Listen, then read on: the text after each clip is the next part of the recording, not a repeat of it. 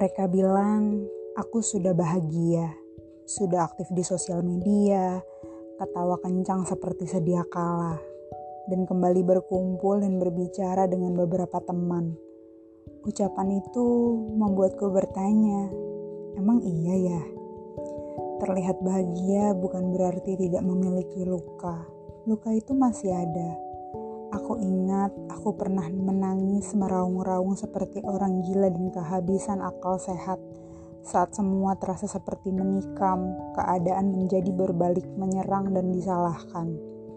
Di saat kamu, teman-teman kamu, orang-orang sekitarku tetap menjalani hidup dengan baik, Aku seperti terkurung di sebuah ruangan pengap dan seperti tak ada pintu untuk mencari jalan keluar. Seolah saat itu menyerah menjadi pilihan yang mudah dan menggiurkan. Babak belur, hancur lebur tak mampu mendefinisikan bagaimana aku.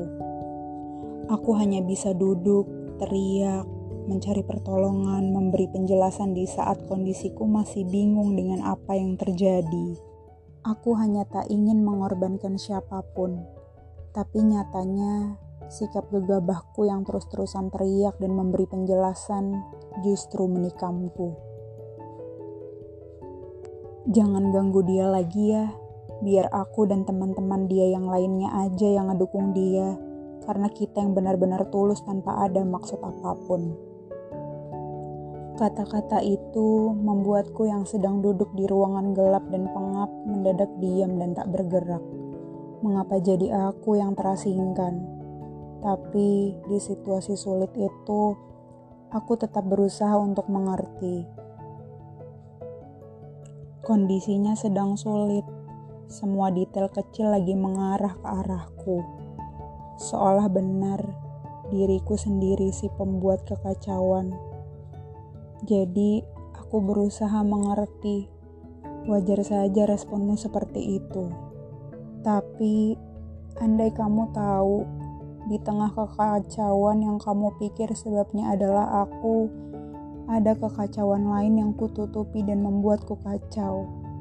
Andai kamu tahu, aku hanya berusaha membuat semuanya kembali normal membuat dia berhenti, dan membuat kamu tak perlu menanyakan dia siapa dan identitasnya.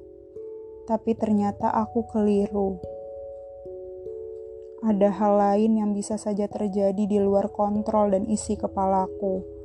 Tanganku terlalu kecil untuk mengontrol segala kemungkinan yang bisa dia ciptakan dan lakukan.